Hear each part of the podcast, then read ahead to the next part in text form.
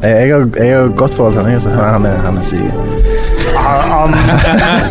Jeg tar dere imot, dere får kaffe. Nå mista jeg lyden i høretelefonene. Der kom de tilbake. Ja. Ja, det er hyggelig å være her. Jeg er glad i, i podkast som fenomen. Jeg må ut. hjemme mot Lyngen Karnes gikk de på et litt leit 0-19-tap uh, her. Hvilken divisjon snakker vi? Er det tredje eller fjerde? Fjerde, fjerdedivisjon. Og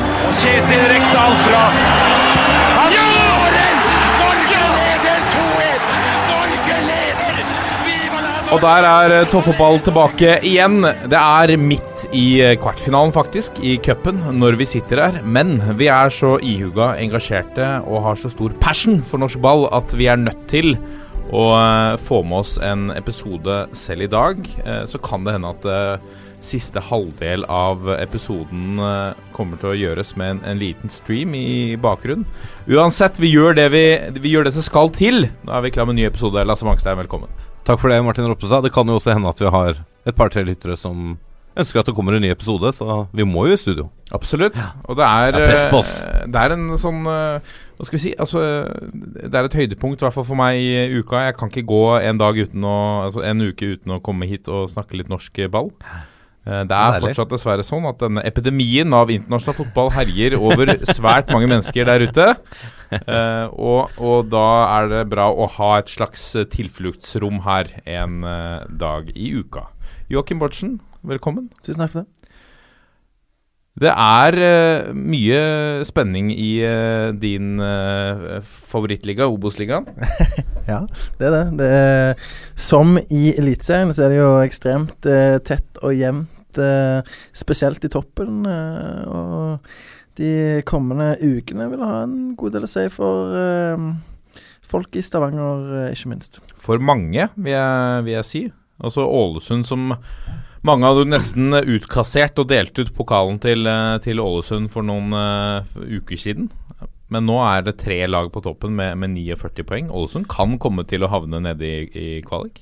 Ja, og det er jo så ekstremt viktig å få en av de to eh, plassene som gir direkte opprykk. For hvis du faller utenfor, selv om eh, både Viking, Mjøndalen og Ålesund har hatt en eh, kjempesesong så langt, så blir det veldig tøft å komme seg gjennom det nåløyet som eh, en playoff er. Ja. altså er det jo sånn at eh, jeg, jeg tenker jo det er en større skandale om eh, altså, altså hvis Viking eller Ålesund mister direkte opprykk, da. Altså Om Mjøndalen mister det, så er det kanskje litt sånn Ja, ok, det er greit nok, liksom. Men de to så store klubber, som de satser eh, Kanskje ikke uttalte mål, men altså Ålesund i hvert fall, og kanskje Viking òg, de skal rett opp igjen. Ja, begge de klubbene lever under et uh, større uh, press fra omgivelsene Mm. enn det Mjøndalen gjør. Det, eh, det er på en måte ikke mange i hvert fall som kan kreve at Mjøndalen skal gå rett opp, selv om de sjøl òg har hatt ambisjoner nå, eh, egentlig siden nedrykket, at de skal komme seg tilbake igjen til Eliteserien. Men eh, når det er sagt, så vil det jo være en enorm nedtur for uh, uh, det laget av de tre som eh, eh, eventuelt eh, ikke klarer å rykke opp. Ja, vi skal snakke mer om Obos-ligaen i eh, pulsen. Um, før det skal være rundens øyeblikk. Andre punkter i pulsen er uh, toppskårere. Eh, det begynner å Altså det er flere som begynner å melde seg på i den kampen der også. I Eliteserien altså. Vi har eh, satt opp Vi har tippet rett og slett alle kampene gjenstående kampene i Eliteserien for å finne ut hvordan tabellen ender opp til slutt, og det skal vi gå gjennom også i pulsen. Og så må vi innom en breddesak, selv om Jørgen Kjernås ikke er her. Eh, Og til slutt skal vi selvfølgelig gå gjennom neste eliteserierunde. Dette er toppfotball. Da er vi kommet til rundens øyeblikk, og vi begynner med deg, eh, Bårdsen. Kan jeg gjette at vi skal takke ned? Nei, da tar du feil. Vi er i eh, Eliteserien. Ja. Eh, og forrige gang så eh, tok jeg en eh, spiller på Ranheim, og det skal jeg gjøre eh, denne gangen òg. For jeg satt og så Stabæk mot eh, Ranheim, og da var det spesielt én mann som igjen utmerker seg for meg. eh, som han gjorde mot uh, Godset i eh, runden før, og det var Mats Reginiussen. Det er sånn Jeg sitter på en måte bare og blir eh, mer og mer begeistra for han for hver kamp jeg ser han. Og nå mot Stabæk, selv om Ranheim taper 3-2 etter å ha fått en mann utvist i første omgang, så tar han ansvar. Han skårer 1-0 på vel en keepertabbe fra Markus Sandberg, men allikevel. Han, han skårer 1-0. Sitt åttende seriemål for sesongen. Um, som indreløper, uh, og spilt uh, i ankerrollen uh, enkelte ganger.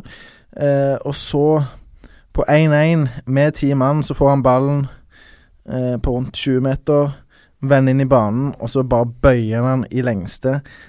og det er jo et mål som ikke får noen betydning til slutt, men som for meg illustrerer den kvaliteten han har, og det er Eh, den er stor. Eh, Rosenborg var ute etter den i sommer. Han, han, sa nei. Han ville eh, fortsette i Ranheim, noe som det står stor eh, respekt av. Og, eh, og han, er, han, er, så bra at han, han kunne gått inn i Rosenborg. Jeg det, det, han gått inn i laget i Rosenborg? Ja, han kunne det. Det er gjerne enkelte eh, Rosenborg-sportere som reagerer nå, men jeg mener at han er Eh, på et nivå som du kan sammenligne med Mike Jensen, i hvert fall denne sesongen her, eh, eh, isolert sett. Eh, Mats Reginiussen er ekstremt bra. Han eh, har en enorm arbeidskapasitet. Han er veldig eh, god med ballen. Han har ro, han har overblikk. han har lederegenskaper. Han spiller lagkameratene bedre, og i tillegg, da, så skårer han mål og har assist. Han har ni mål nå i Eliteserien. Ja, det, er det, det, er ekstremt sterkt. Så det er en mann som uh, har imponert meg utrolig mye denne sesongen. Jeg er enig med Joakim. Altså Målfarlige midtbanespillere vokser jo ikke på trær i Eliteserien. Så det, det, er klart at han kunne gått inn og gjort uh, manns jobb for det Rosenborg-laget. Og hver gang jeg ser han òg, så tenker jeg på det som er et av tidenes mål i norsk fotball brassesparket i Obos-ligaen for noen år siden som ble feilaktig annullert. så tenker jeg bare det, det, var så drøyt, det målet, men uh, uh, Det ble aldri godkjent, men eh, det òg er bare sånn som viser hva han er kapabel til. Jeg har et litt annet minne om Mats Reginussen som ikke er like positivt fortegn. Okay. Det var en treningskamp på La Manga da han var en liten tur Jeg tror han var i Tromsø en Stemmer. liten tur. Ja. Da stilte spilte Vålerenga mot Tromsø, og det var litt eh, snaut med spillere. Jeg tror det var en sånn ekstra kamp som ble satt opp. Så Vålerengas fysio Erik Bjerke fikk et, uh, en snau halvtime på høyrekanten til Vålerenga. og feide ned Reginiussen opptil flere ganger. Altså sånn, Bare fordi han var litt for seint ute. altså Erik Bjerke kanskje den best trente mannen i Vålerenga en periode. Men, uh, og en habil fotballspiller. Spilt, spilt collegefotball og sånn. Men Kom litt på etterskudd i noen dueller, og jeg husker bare det derre eh, den ynkelige sutringa til Mats Reginussen. Au! da han ble takla. Ja. Og Eirik, da, som var fysio, var jo selvfølgelig borte og hjalp han. For han, jo, han var jo vant til å løpe ut og ja, ja, hjelpe spillere som var skada, så det husker Men, jeg. ynkelig syting, det høres ut som det var, var grunnlag for å Ja, akkurat da så tenkte jeg at det her er en mann som uh, ikke hører hjemme i Eliteserien. Okay. For det, da, da, da, var det stusslig, altså. Det var liksom Det var sånn Det var ikke sånn der au! Det var sånn au! og det var flere ganger. Så det, det var Men eh, for all del, han har, eh, han har overbevist meg i år, altså. Ja. Så han eh, Det er ikke det jeg tenker på når jeg tenker Mats Regunussen, men jeg, jeg minnes det. Ja. Hvilket øyeblikk har du plukka ut av Magstein? Eh, et ganske nytt øyeblikk. Eh, Isaksen stadion i går kveld. Eh, Mjøndalen, Ålesund, toppkamp i Obos-ligaen. Flomlys, eh, to lag. Altså, det, det var eh, altså, Spesielt andre gang i den kampen. Jeg hadde jo alt en toppkamp skal ha. Det var dueller, høy temperatur, taklinger på grensen, over grensen. Det burde kanskje vært en utvisning der. Eh, diskutable dommeravgjørelser og spenning egentlig helt inn. Eh, og ikke minst, som vi nevnte litt i stad, altså resultatet her gjør jo at uh, opprykkskampen i Obos-ligaen lever i absolutt beste velgående med tre lag på 49 poeng. Så var det beste resultatet for oss nøytrale. Uh, det er sikkert en gjeng oransje som ikke er helt enig med meg der, men eh, det var, det var altså virkelig en strålende reklame for fotballen spesielt, og Obos-ligaen generelt. Så det var, det var, rett og slett gøy å sitte i sofaen i går og følge den kampen. Altså, det var uh, stor idrett. Ja, Nei, absolutt. Jeg har eh, plukka ut et, uh, et øyeblikk som på en måte har bygget seg opp gjennom hele uka. Vi har hørt mye om eh, denne supporteraksjonen hit og dit. Det har vært diskutert både i, i Kanarifansen, utenfor Kanarifansen og mellom eh, folk i dette studio og eh, folk i Kanarifansen osv. Skjønner hva du mener. Folk har gjort sitt beste for å skape en eller annen form for engasjement. Eh, og så ble det jo sånn at eh, den, den stille protesten eh, mot Tromsø hjemme på Åråsen ble overdøvet av, av de som ikke ville protestere. Og så er det jo en gang sånn at det er jo ganske enkelt å overdøve folk som holder kjeft.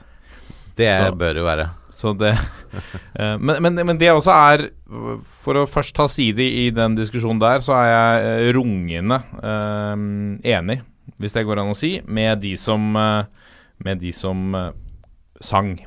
Fordi at eh, Er det én Altså, Kanarifansen på sitt beste synger i 90 minutter. og, og det er jo som, som Karsten Skjelbred tror jeg sa det veldig enkelt i studio, at tror du Tror du laget ditt får mer eller mindre energi av at dere synger på tribunen? Det er på en måte kontraproduktivt, en, en eller annen sånn aksjon da Ja, som, det, som man skal sette i gang med. det er som jeg nevnte på Twitter. forstår det ikke. Ja, jeg er helt enig, og det er som jeg nevnte på Twitter. Altså sånn der, du har den stilleaksjonen der, så er det den boikotten som kom i Stavanger. Hvor det var enkelte vikingsupportere som skulle boikotte en hjemmekamp pga. hvordan de spilte mot Sandnes Ulf. Ja. Så da har du ikke skjønt rollen din som supporter av en, uh, av en fotballklubb. Og Da skal du være der, du skal støtte laget ditt i tykt og tynt. Du skal stille opp, og du skal gjøre ditt. Altså, det er ikke sånn at disse gutta går rundt og gir 80% Det kan kanskje se sånn ut. Jeg har tenkt det samme sjøl om mitt lag, at nå ser det ut som de ikke gir maks. Men de gir jo maks, men av og til så blir du overspilt. Av og til så får du ikke ut maks. Men de prøver jo. Det er ikke sånn at de vil tape. Nei. Og da, når du har valgt å være supporter, og du har valgt å støtte et lag, og da liksom gå, gå, liksom, gå ut og, og eh, he, liksom senke eh, Nedgradere din egen klubb og si at vi skal boikotte dem, eller vi skal holde kjeft på tribunen, det er latterlig, syns jeg. Ja. Da får, du Ja, bare, ja, da får du heller holde kjeft og holde deg hjemme, da. Ja, ja. Jeg har mer sans for sånne ting. De har hengt opp dette banneret på treningsfeltet. Det er Ja. veldig sans for. Er helt enig. Og litt sånn tyske tilstander kan jeg også ha sans for. Møte opp på treningsfeltet, stå stille og rolig og forlange svar eller forlange innsats. Ja. Og, og forlange at man liksom svarer for hva det er de driver med. Eller Det stille jeg- opp 100 mann på treningsfeltet og synge under hele treninga da, og vise at vi har ryggen deres. Ja. For det er det det handler om, å ha ryggen til spillerne. Ja. Eh, så nei. Men det, men det vi skal tilbake til, er, er øyeblikket. Og det kom eh, da straffesparket ble idømt eh, Var vel etter 78-77 minutter. Ja. Og det sparket er jo så viktig. For uh, uten det sparket så, så uh, ligger jo uh, li, Lillestrøm ganske mye dårligere an, med tanke på at Start tok sin første seier på 100 år. Ja, både Start og Stabæk vinner, så det er jo utrolig viktig. Ja, Det var veldig, veldig viktig, og det, det skjønte jo alle på, på tribunen også. Og, og mm, det De følelsene da som kommer etter den scoringen, eh, og den jubelen Alle skjønner hvor viktig det målet er.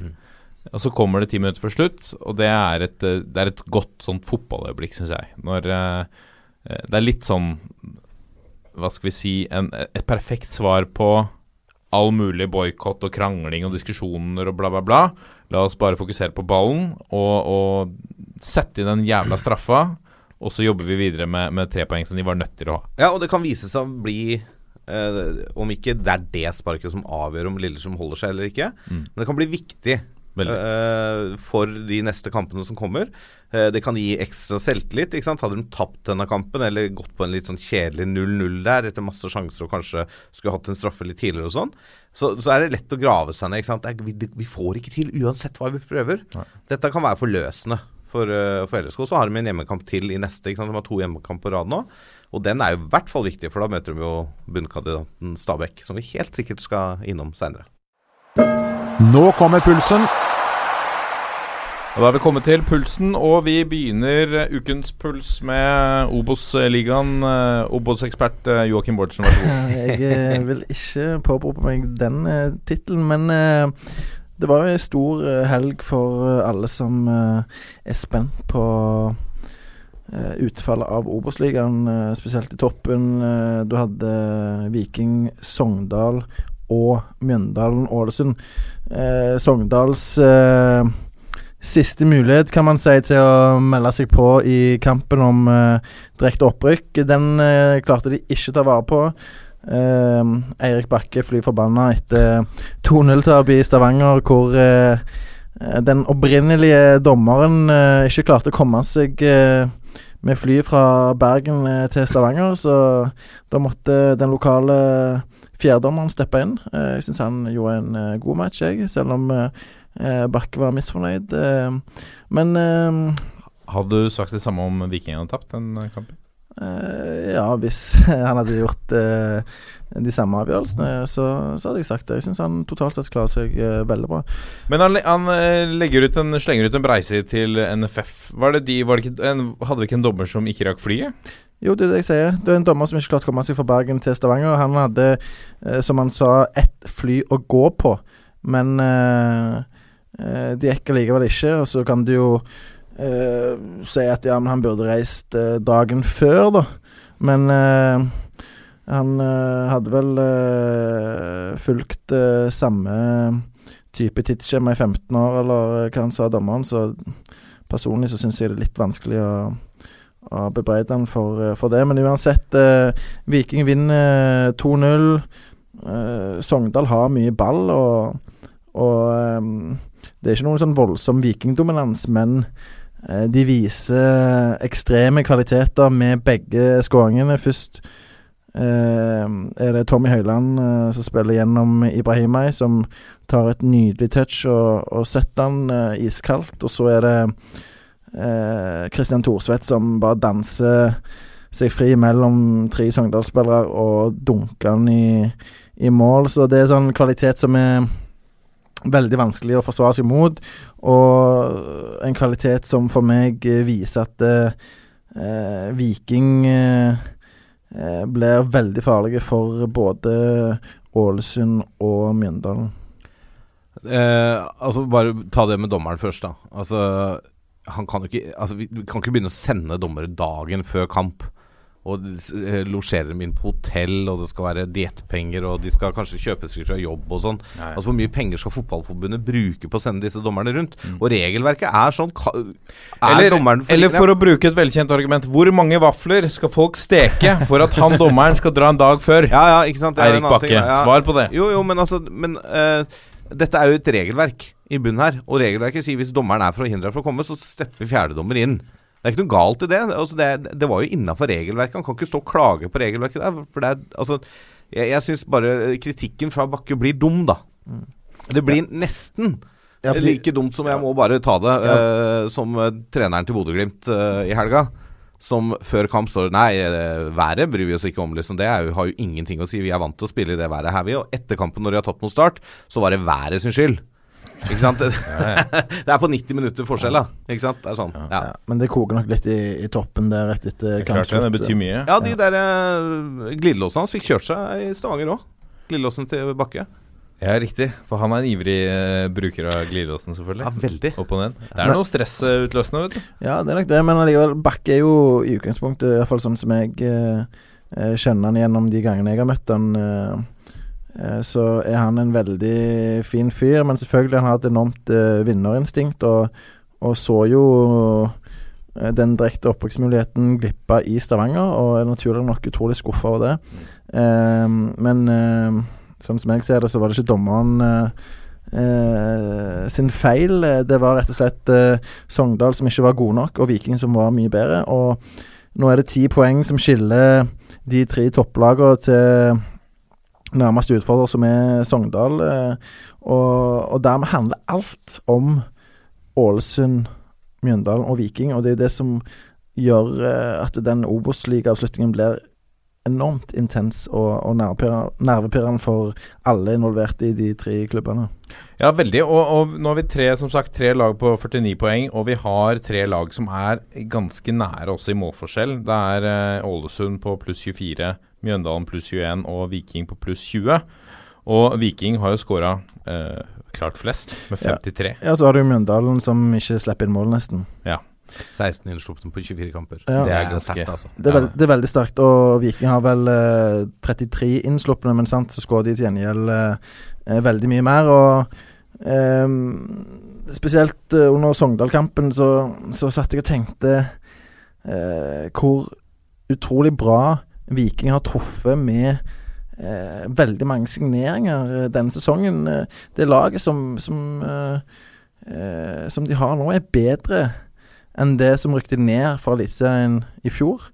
Eh, og, og det er Det kunne fort gått veldig gale i Viking eh, denne sesongen her. Eh, de sto på uh, nesten bar bakke. Det var mange spillere som skulle ut. Eh, De hadde rykket ned. Økonomien var dårlig. De hadde ikke trener. Uh, Han hadde fått sparken. Uh, Masse bråk.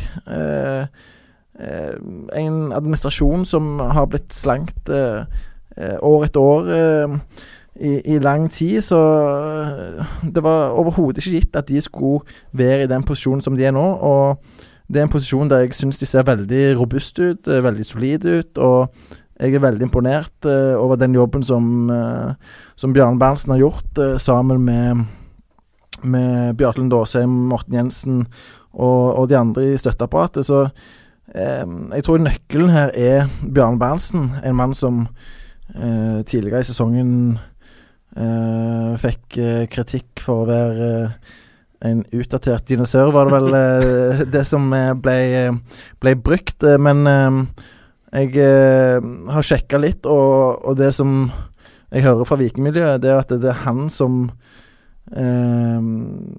har stått bak all, de aller, aller fleste signeringene som Viking har gjort. Og det er ikke få.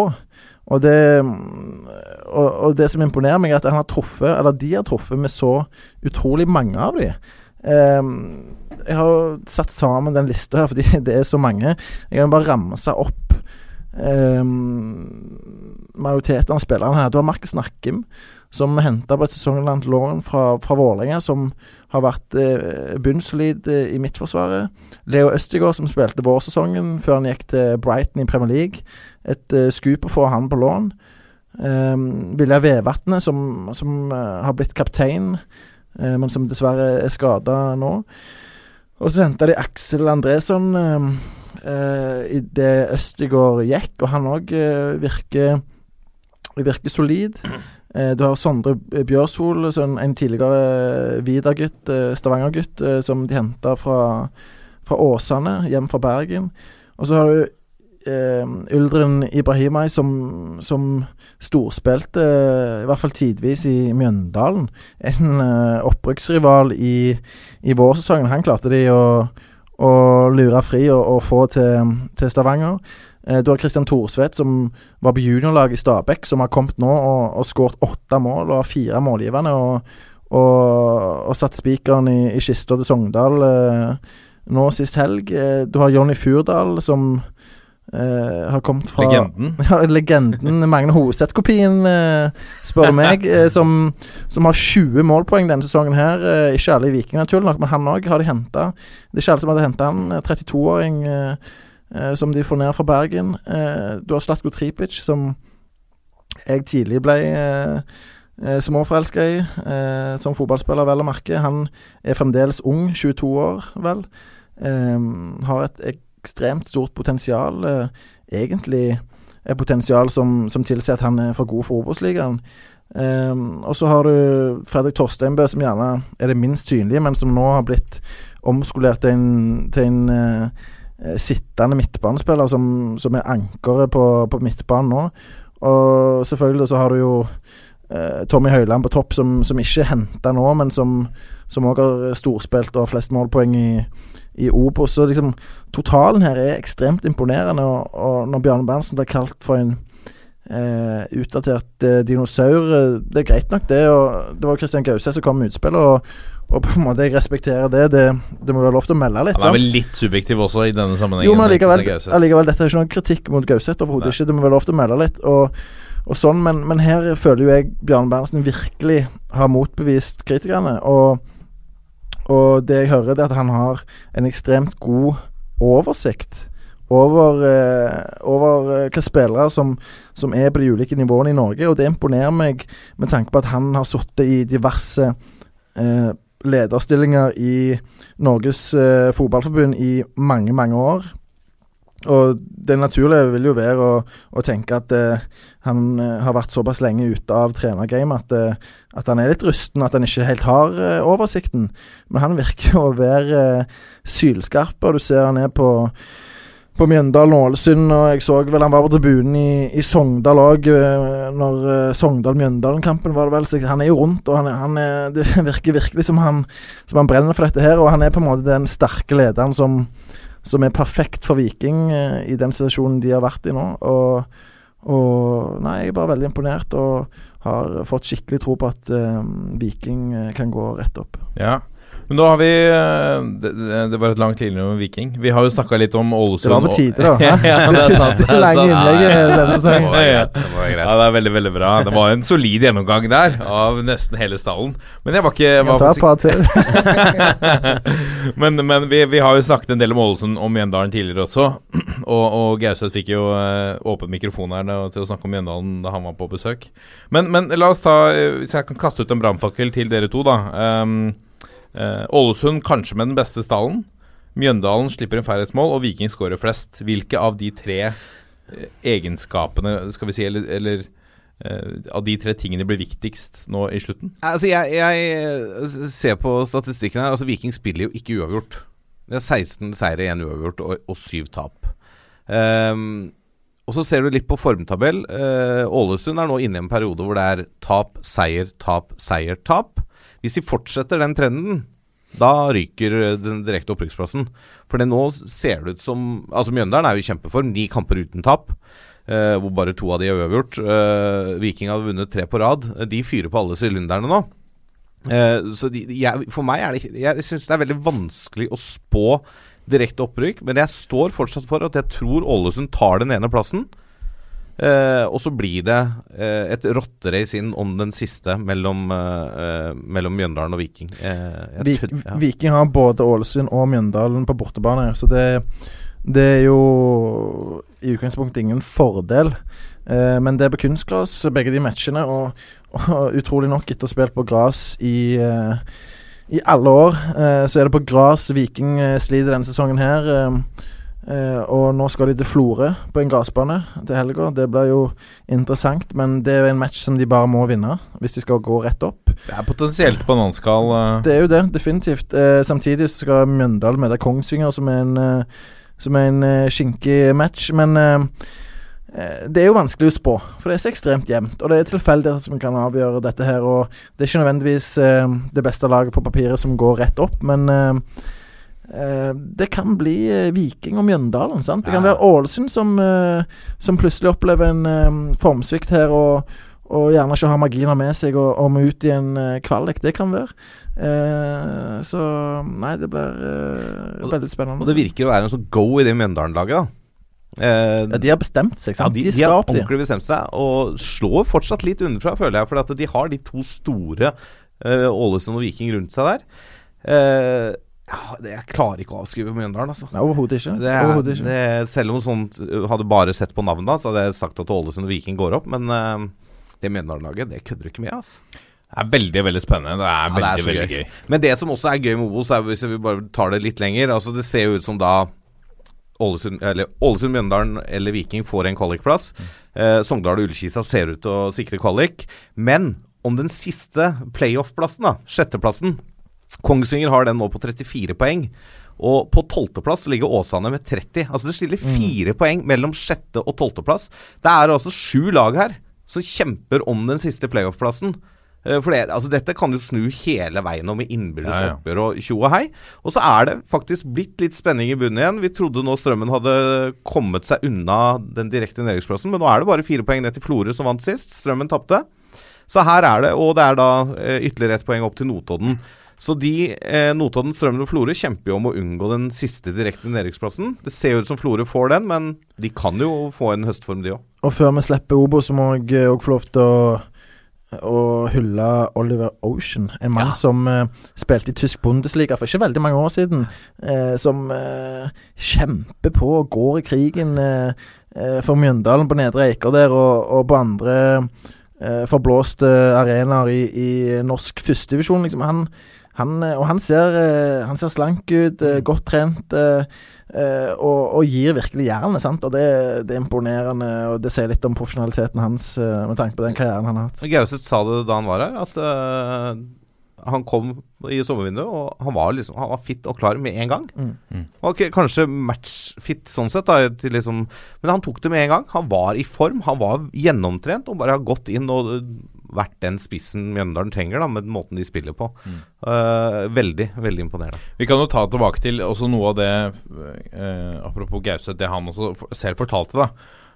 Når du har den indre følelsen av at det jeg driver med nå, er det beste av alt i hele verden. Og du, du ser det på noen typer, og du ser det på sånn som Oliver Ocean. For han også finner en glede i å være med og kjempe et lag.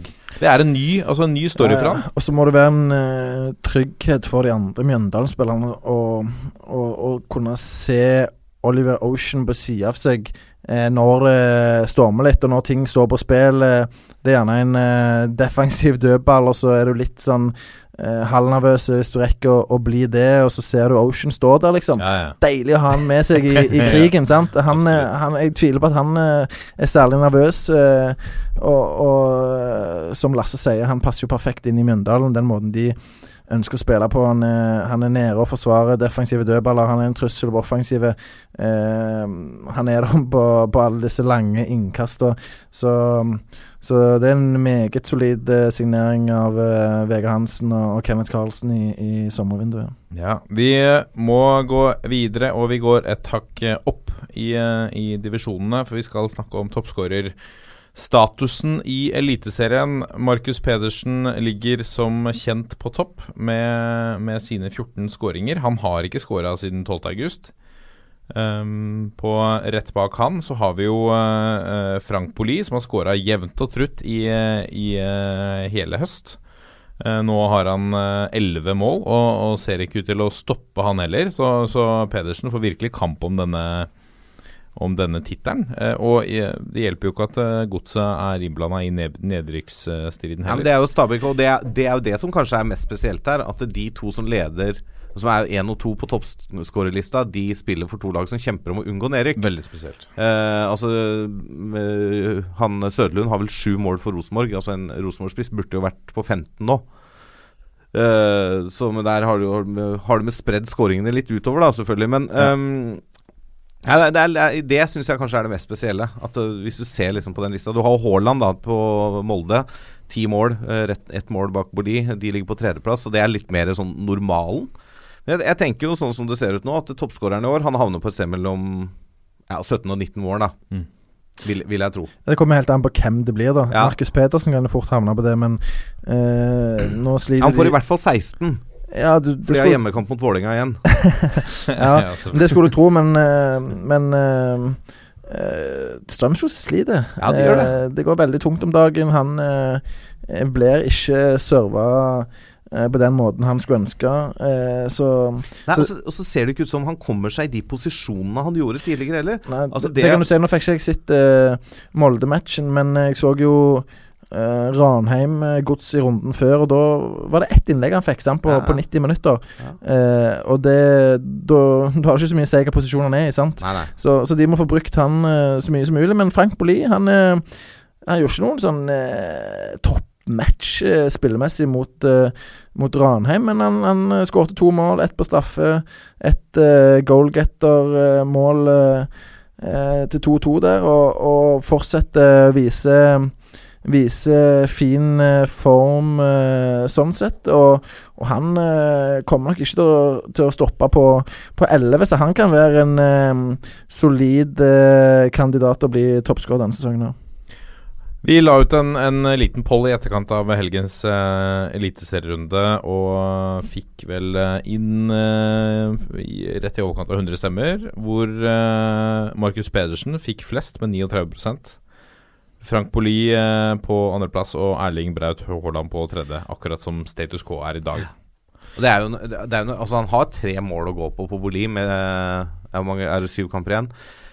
Eh, så, så Seks kamper. igjen. Seks kamper igjen. Så Sånn sett så bør jo uh, Markus Pedersen bli toppskårer i år. Men Ja. han, han må skåre noen mål til for at ikke Boli skal ta han igjen. For jeg tror ikke Boli slutter å Jeg tror ikke han har skåra sitt siste mål i år, da, han Frank Boli. Så er det det som taler for uh, Erling Braut Haaland, at han, han har liksom disse fire målene i seg, han i én match. Ja, ja. Og han spiller på et lag som har et uh, skyhøyt potensial. eh, et av uh, de aller uh, høyeste i uh, Eliteserien. Uh, naturlig nok når de ligger på tredjeplass, men, men Molde har så mange kvalitetsspillere offensivt at han fort kan, kan dunke en tre-fire kasser i løpet av én kamp. Både Markus Pedersen og Frank Poli står med begge beina godt planta sammen med sine lag i nedrykksstriden. Og vi har benytta en sånn tippekalkulator for å finne ut hvordan kampene går. Og den skal vi legge ut på Facebook-sidene. Men eh, du har da tippet resultatet i alle kampene, Lasse, sammen med oss andre også. Hvordan har det gått? Ja, altså skal jo da legge inn resultater i syv kamper. Eh, det er jo i, i ses, Syv runder. eh, åtte kamper i syv runder. Det er noen kamper du skal tippe på, da. Sarpsborg som gullvinner, det så Ja, det er veldig spesielt med Sarpsborg som gullvinner. Nei da, eh, Rosenborg tar seriegullet. Jeg tror de får en god luke til Brann, som tar sølv. eh, Som og kommer ett poeng foran Molde, som tar bronsen. Det er, det er topp tre jeg har tippa, da. Når det gjelder bunnkampen, så eh, må jeg nok eh, skuffe min tidligere kollega eh, i eh, Kristiansand og si at jeg tror Start rykker rett ned. De får den siste nedrykksplassen sammen med Sandefjord. Og Stabæk havner på kvalik. Det betyr at Lillestrøm klarer seg med en 13.-plass. Og eh, jeg tror Bodø-Glimt får en tung høst. Eh, så de havner på 12.-plass med Godset på 11. og lik poengsum på de to, 34. Og da har jeg tippa at Stabæk får 31 poeng, og Lillestrøm 32.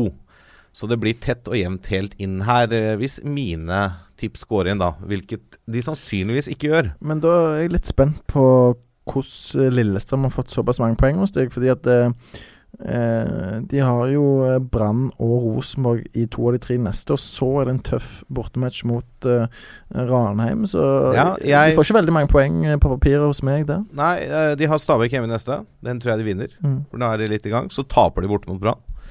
Og så taper de borte, nei, hjemme mot Rosenborg.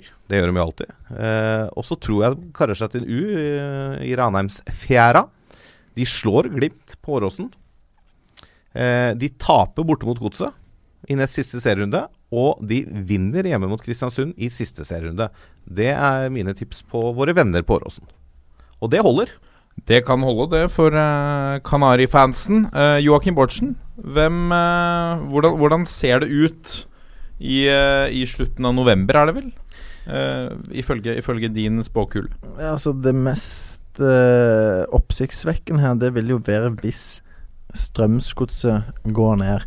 Eh, fra en outsider til gullet, egentlig. Eh, før sesongstart til nedrykksstrid nå. Og de ligger bare ett poeng over direkte nedrykk. Jeg har ikke tatt denne eh, Lagt alle kampene inn i denne kalkulatoren som, som Lasse har gjort, men eh, eh, for meg så er Strømsgodset litt i eh, fritt fall, mens du har klubber som, som Start og Stabæk og og nå òg for så vidt Lillestrøm, da, som fikk en opptur med, med seieren over Tromsø, som er litt mer i angrepsposisjon.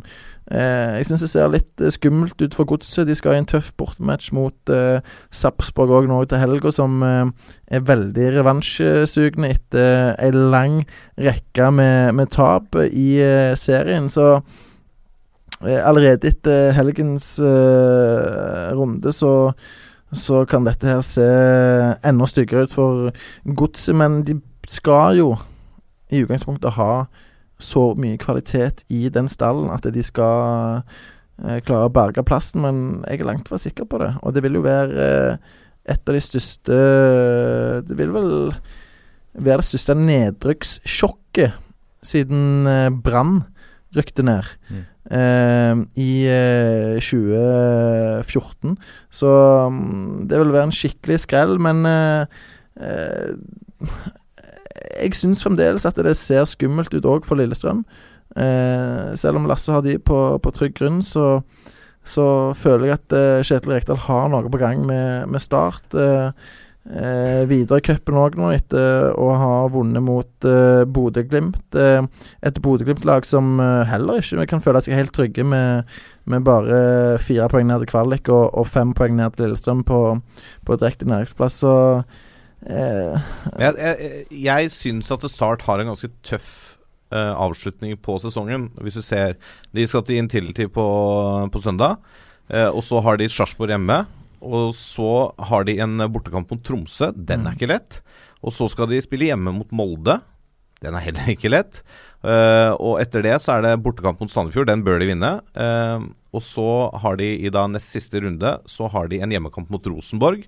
Og de avslutter da borte mot Haugesund. Ja, og det, og det, er et, eh, det er et tøft eh, program, utvilsomt. Så, så her må jo sant, I de tre neste matchene til start så har du eh, Vålerenga borte, Sarpsborg hjemme og Tromsø borte. Og så kan du legge på fjerde, som, som du allerede har vært gjennom, da, Molde hjemme. Det er fire veldig tøffe kamper før den eh, Sandefjord-matchen som de må vinne.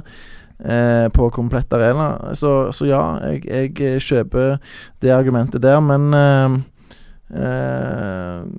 med, med Rekdal eh, eh, på plass, så, så tror jeg de kan være så kyniske at eh, At det er nok til å, til å berge plassen for en del. Men eh, det kan jo selvfølgelig òg innebære en, eh, en kvalikplass, og da møter du fort eh, Ålesund, Viking eller Mjøndalen, og det er ikke lett.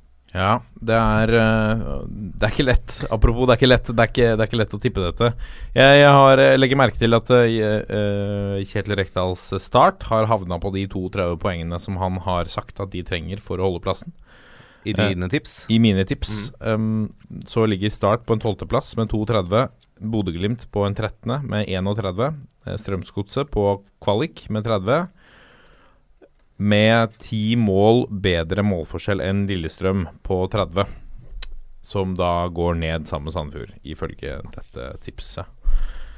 Det er jeg, jeg deler litt av de samme tankene. Jeg ser at uh, Stabæk eh, begynner å få dreisen på ting. Og, og eh, Boli, Njai og, og Ohi eh, tror jeg bare blir bedre og bedre sammen.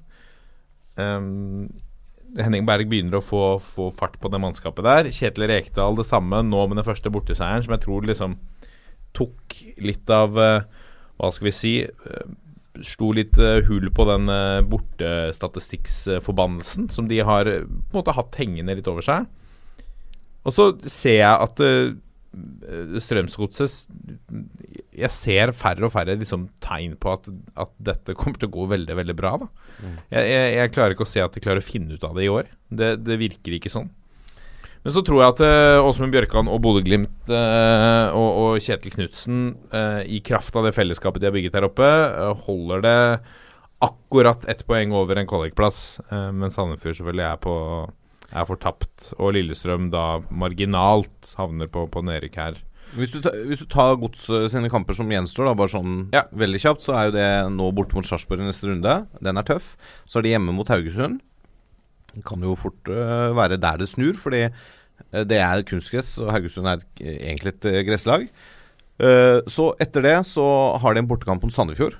Den må, bør og skal vinnes. Eh, så har de hjemmekamp mot Vålerenga. Veit du åssen det pleier å gå? eh, og så har de en bortekamp mot Brann. Den blir tøff, selvfølgelig. Eh, nest siste runde så spiller de eh, en hjemmekamp mot Lillestrøm. Den blir jo, den blir jo viktig, selvfølgelig. Må si. Og de avslutter borte mot Stabæk, som også blir en sånn fort en sekspoenger, da. Ja. Eh, så, men de har noen kamper der eh, som jeg tror de vinner, selv om de er i fritt fall. Og da eh, Det er derfor jeg har de der jeg har, da, selvfølgelig. Jeg klarer ikke å se at de klarer å dominere mot svakere lag heller.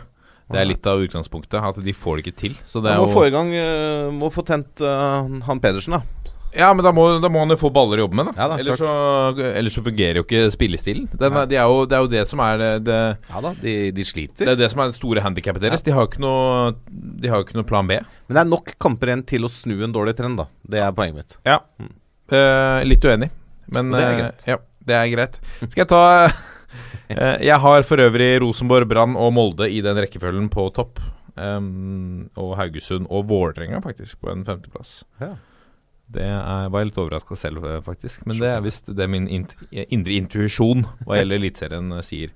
Jørgen Kjernås har også lagt inn selvfølgelig sitt tips. Um, og dette er vel eh, bettingbasert, så det er vel 100 uh, Her er fasit. her er fasit, tenker jeg. Han har på 13.-plass uh, Stabæk med 31. På kvalik Lillestrøm med 28. Og på nedrykk Start med 27.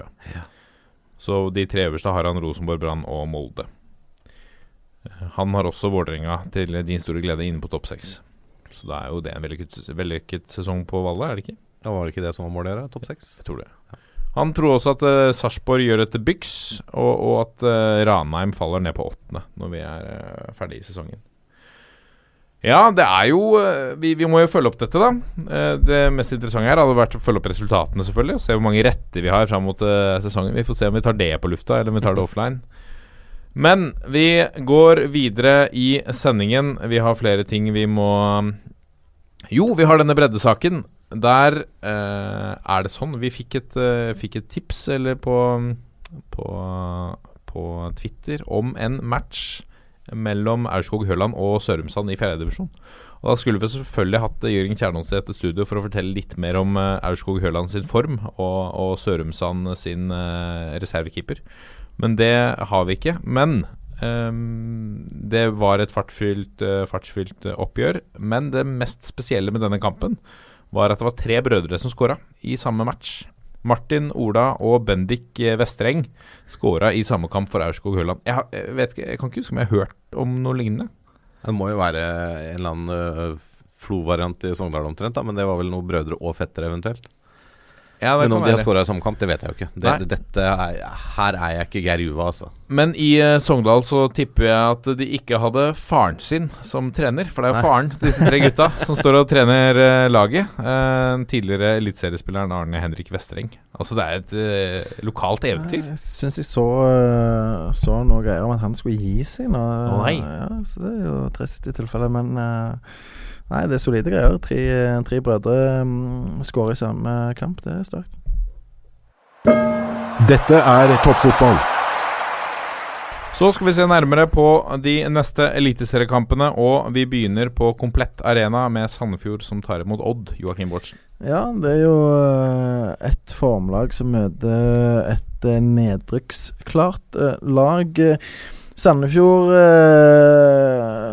klarte jo det utrolige å ta poeng i Bergen.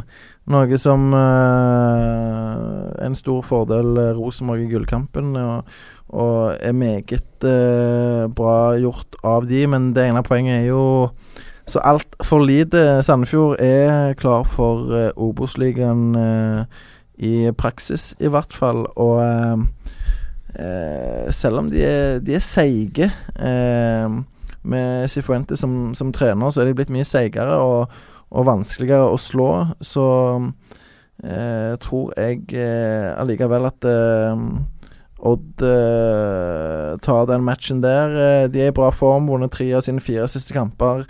Eh, ikke tapt på åtte matcher, Odd, etter en fryktelig periode midt i sesongen der de hadde fem tap på, på syv kamper. Så eh, Odd har på mange måter funnet formen eh, til rett tid, og eh, kom seg opp på en eh, sjetteplass med, med heng på eh, i hvert fall fjerdeplassen.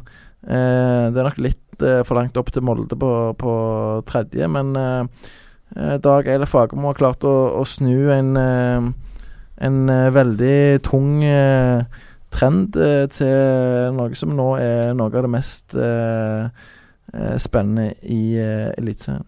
Prosjektet Deila Bangstein så så veldig bra ut før de har gått på nå to strake tap. Hva skjer når eh, I vender tilbake til Valle? Ja, det blir jo veldig spennende, for det er jo litt som du er inne på, to lag med litt forskjellige formkurver som møtes. Eh, Kjetil Rekdal returnerer til Valle med sitt start, og de kommer fra tre kamper uten tap, to seire på rad. Eller fire kamper uten tap og tre seire på rad, hvis du inkluderer dagens cupoppgjør mot uh, Bodø-Glimt. Eh, det har gjort sitt til at de har kommet seg vekk fra direkte nedrykksplass. Eh, og det var jo en sterk borteseier mot Glimt sist, da de snudde kampen etter å ha kommet eh, under midtveis i andre omgang. Eh, Vålerenga har tapt 2-3 to ganger på rad etter tre kamper med seier uten å slippe inn mål før det. Så det varierer fortsatt veldig i prestasjonene til Vålerenga. Er vanskelig å vite hvor du har de, hvor, hvor, hvordan ser det ut i dag, hvordan blir det i dag, liksom. Men når det er sagt, så kunne både den kampen mot Rosenborg og den kampen mot Odd sett annerledes ut enn 2-3-tap. Uh, for de var ikke helt uh, lost i de to kampene. Uh, begge lag spiller jo kvartfinale i dag, onsdag.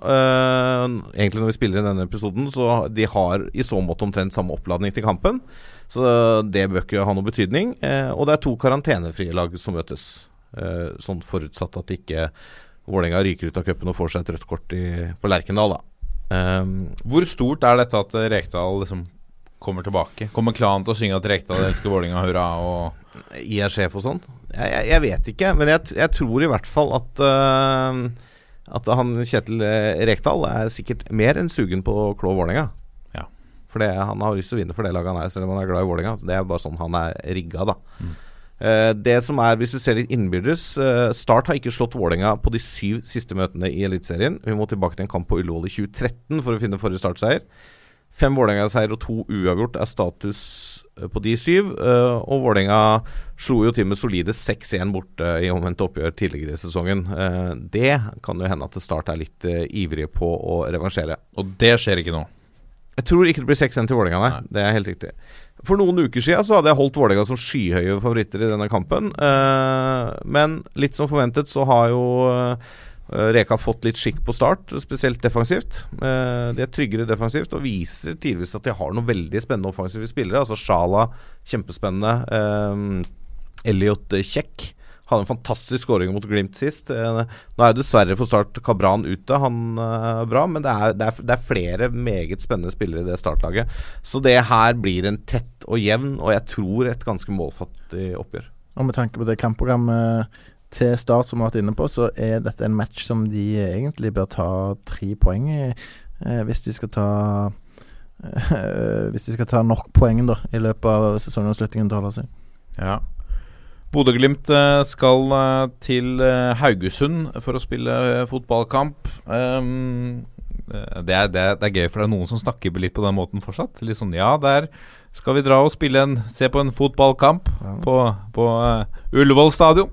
Uansett, øh, beklager det. Haugesund, Bodø-Glimt. Eh, Bodø-Glimt hadde fem kamper på rad uten tap før de tapte mot Start i forrige runde.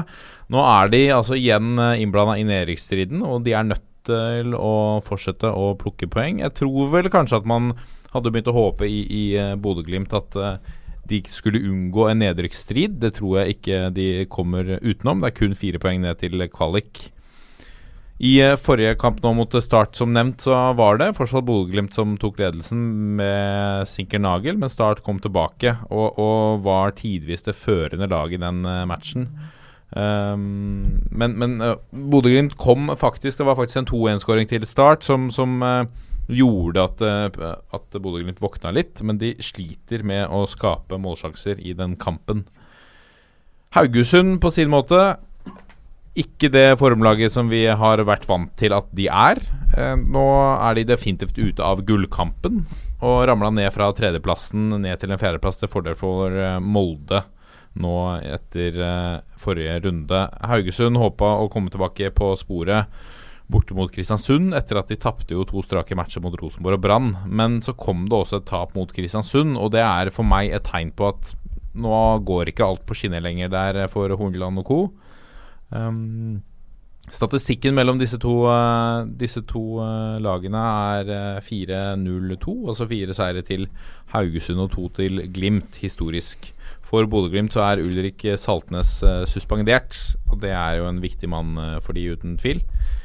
Jeg syns dette er en litt vanskelig match å spå, for det er to lag som, som tidligere var på vei til en, en eh, viss eh, form, som nå er eh, ser at pila kanskje peker litt på vei nedover, men som kanskje ser på dette som en mulighet til å finne tilbake seiersformen.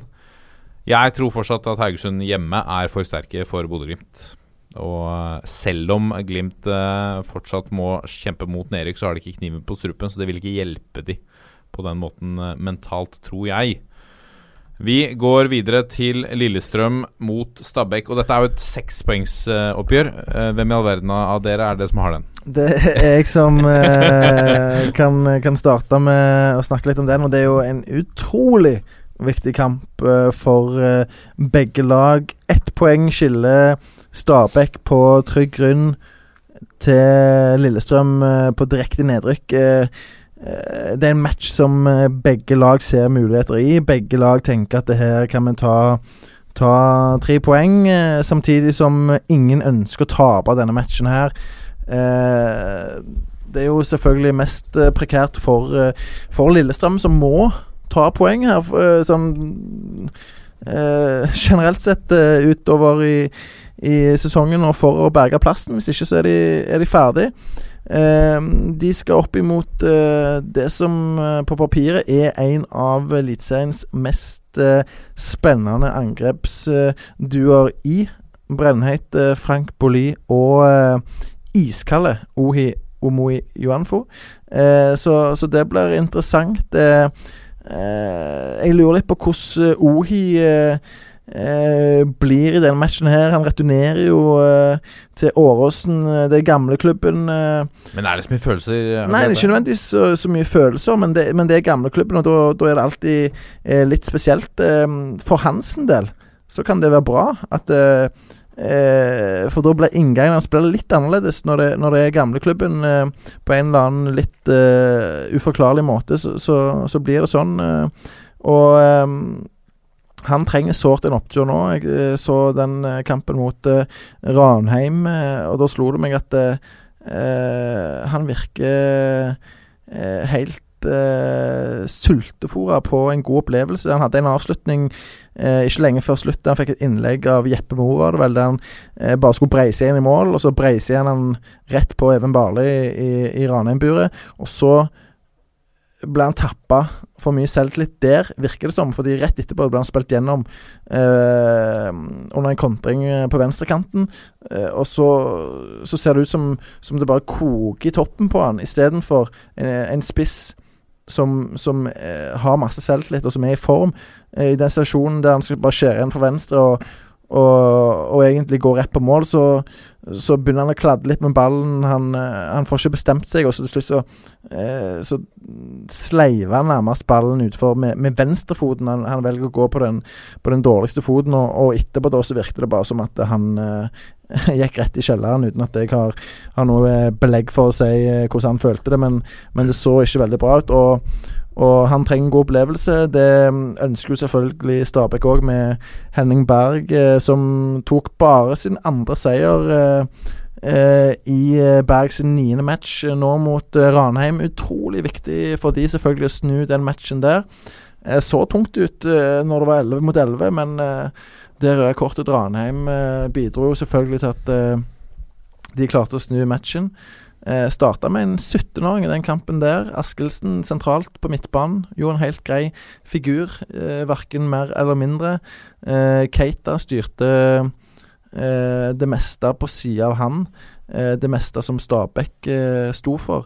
Um, han ble viktig i denne kampen her, eh, samtidig som eh, Lillestrøm igjen da kommer til å sette sin lit til Smaradonna, eh, som eh, satte dette en nydelig straffespark, må man kunne kalle det, mot uh, Tromsø. Og, og det er jo eh, han som er mannen å passe på for uh, eh, Stabæk-forsvaret. Et Stabæk-forsvar som eh, ser eh, mer robust ut nå enn det gjorde tidligere i sesongen, men som eh, fremdeles er, er shaky når de blir eh, satt på store prøver. Ja. Sarpsborg tar imot uh, Godset. Lasse Wangstein. Er uh, Vil Europaligaen også prege dette oppgjøret? Eh, nei, det tror jeg ikke. Nå har jo Sarpsborg eh, fått seg en eh, uke hvile etter eh, forrige kamp. Men, eh, og Godset skal jo ut i cupkamp i morgen, torsdag, borte mot Haugesund. Det er jo ikke en enkel eh, affære. Det som er litt spennende der, da, bare for å ta det først, er jo at eh, BP har jo vraka Espen Uge Pettersen fra kamptropp. Ja. Så det er da eh, unggutten Morten Sætra, tror jeg han heter, som er 21-åring. 21-åring, eh, eget produkt, som Debut. skal få sjansen. Og Pål Vestli Heigre sitter på benken. Men det er jo ikke akkurat uh, formlagenes oppgjør, det her, da. Uh, Sarpsborg 08 kommer fra fem tap på rad. Og Godset har spilt seks kamper uten seier, men det har blitt uavgjort i tre av de. Kanskje spesielt viktig for Godset sånn tabellmessig. Altså, Sarpsborg klarer seg, men de vil jo sikkert oppover. De står jo med begge beina godt nede i sumpa. Det har vi jo snakka om før.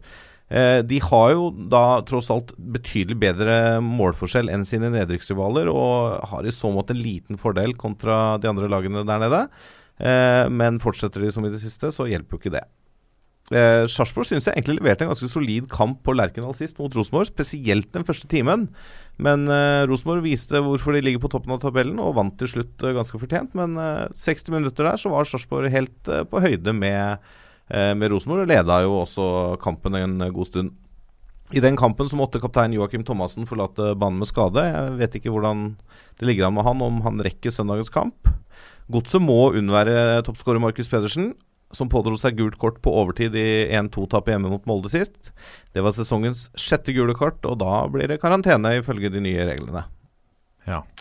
Eh, sett i lys av Sarpsborgs korte historie, da, eh, som møtes lagene bare for 13. gang siden første møte i 2011-sesongen. Status er kun to Sarpsborg-seire, seks uavgjort og fem godseseiere. Eh, I Sarpsborg har hjemmelaget kun vunnet én gang, og tre kamper har endt uavgjort, og to har endt med borteseier.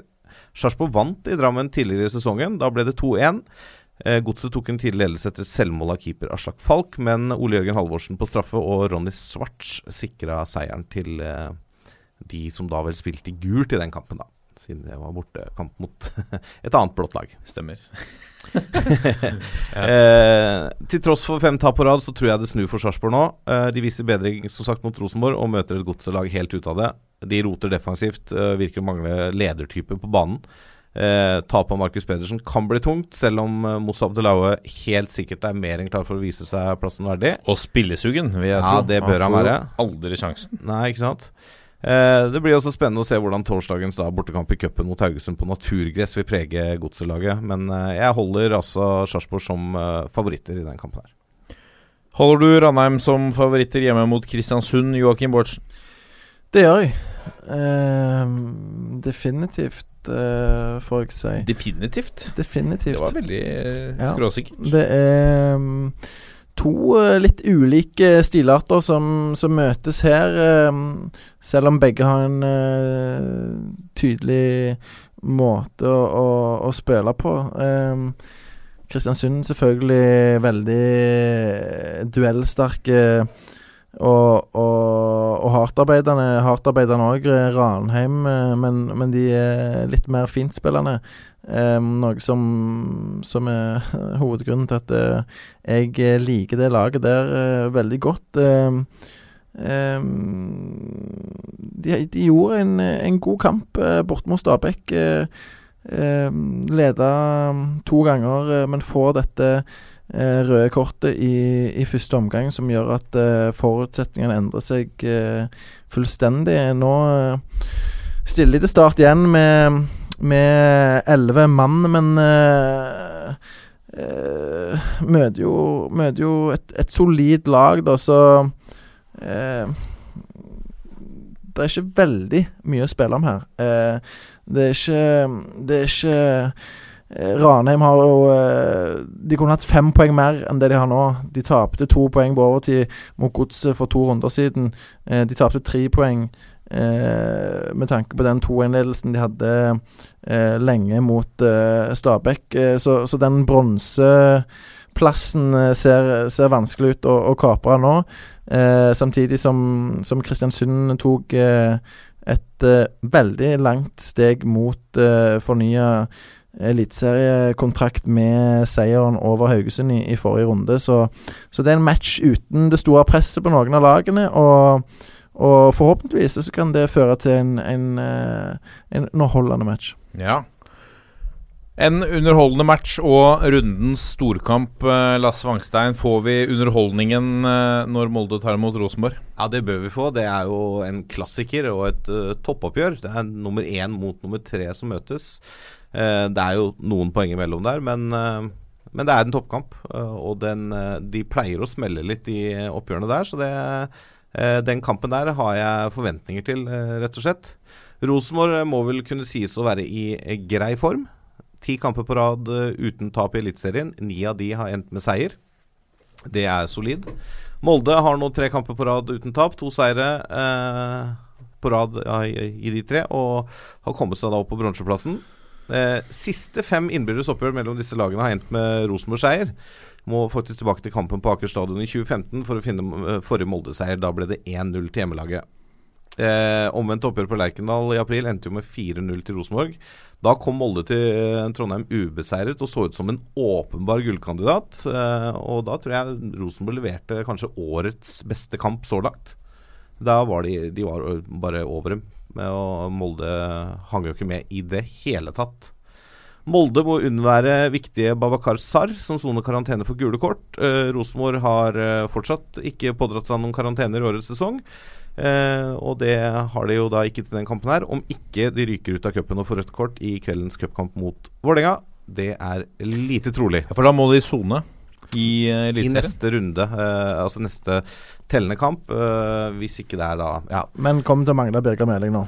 Ser ut som Birger Meling mister den kampen, for han, han ble bytta ut etter to minutter mot Vålerenga, men noe som så ut som en strekk på baksida av låret. Og det er jo leit for landslaget òg, selvfølgelig. Så, um, men de har en brei og solid stall uh, oppe i Gørsberg Trondheim. som kom inn der. Ja, det var det. Så Alex. Alex. Eh, jeg tror dette blir en åpen og morsom kamp. Eh, om jeg blir tvunget til å velge en favoritt i den kampen her, så velger jeg Rosenborg som favoritter. Og eh, før du går videre, Martin, så må jeg eh, ta stor selvkritikk på at jeg sa at uh, Ranheim uh, ikke har uh, spesielt eh, gode muligheter til å ta den bronsen, for det har de jo. Ja, det er fem poeng. Det er fem poeng. eh, Det er de fem poengene du snakket om at de egentlig burde hatt. Ja, ja, sant. Og da hadde de jo selvfølgelig eh, vært i en veldig god uh, posisjon. Men uh, Molde skal uh, ha en tøff match mot Rosenborg, og det er syv runder igjen. Så selvfølgelig har Ranheim heng på bronsen, noe som vil være en helt utrolig prestasjon om de skulle, skulle klare det. Ja, absolutt. Vi skal ta med oss rundens siste kamp, som jo spilles 1.10. etter mye om og men. Og folk eh, krangler vel og depper fortsatt over dette, med, med rette, må vi vel kunne si. Det, vi har vært eh, og diskutert denne kampen eh, og flyttingen av den flere ganger. Men Tromsø tar altså imot Brann 1.10. Kampen som er flyttet pga. Sarpsborg Lottes eh, europaligaoppgjør.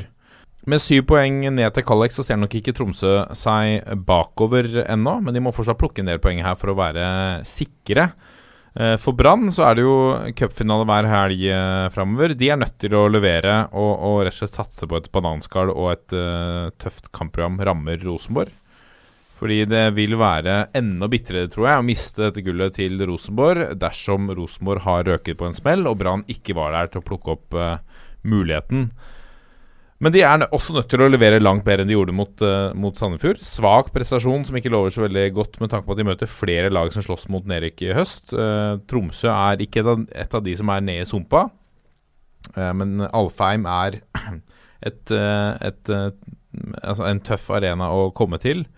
Uh, med det sagt, Tromsø har ikke slått Brann siden 2016, så Brann har et uh, ok tak, selv om uh, statistikken her sier to, to, to lagene imellom. Brann har eh, Zain Radelinger fortsatt ute med en kneskade.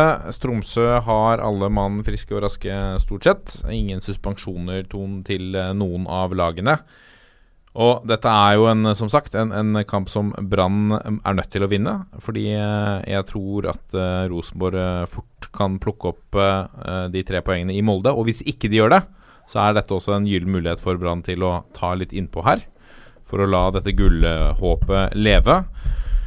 Men om de vinner, det tror jeg ikke. Jeg tror dette blir en, en sånn klassisk uh, slitekamp med en, en uh, uavgjort oppe på Alfheim. Det var uh, det. Skal vi nå løpe ned på nærmeste pub og få med oss andre omgang av uh, Rosenborg-Vålerenga? Ja, kan vi ikke det? Det er jo gøy å se litt vel- fotball òg. Ja, Kan prate bli en klassiker. Det kan bli en klassiker! Eh, uten tvil. Vi er Det vet lytterne. de vet det nå. men- ja. ah, da kan jeg melde at det var Rosenborg leder 1-0. Ja, ok. okay. det er tidenes dårligste liveoppdatering Ja. når du hører denne podkasten Ja, to er timer senere. Vi er Toppfotball på Facebook, Twitter og Instagram. Gå gjerne inn og legg inn en rating på iTunes. Da blir vi eh, veldig glad. Og send oss gjerne en mail da, til toppfotballat451.no med forslag og tips til hva vi skal prate om. Og har du, eh, kjenner du eller veit du om noen som har, eller har du en god historie fra breddeball? Eller noen storskårere vi bør se nærmere på? Send oss et tips da på toppfotball.451.no. Her bør det være muligheter til å få tips. det må være muligheter her for å kunne legge inn et tips. Kom igjen! Oppfordringen er tydelig nok. Jeg, Den er lagt. Ta opp hansken. Ok, vi avslutter på 1, 2, 3. Vi er en gjeng. Ha det bra!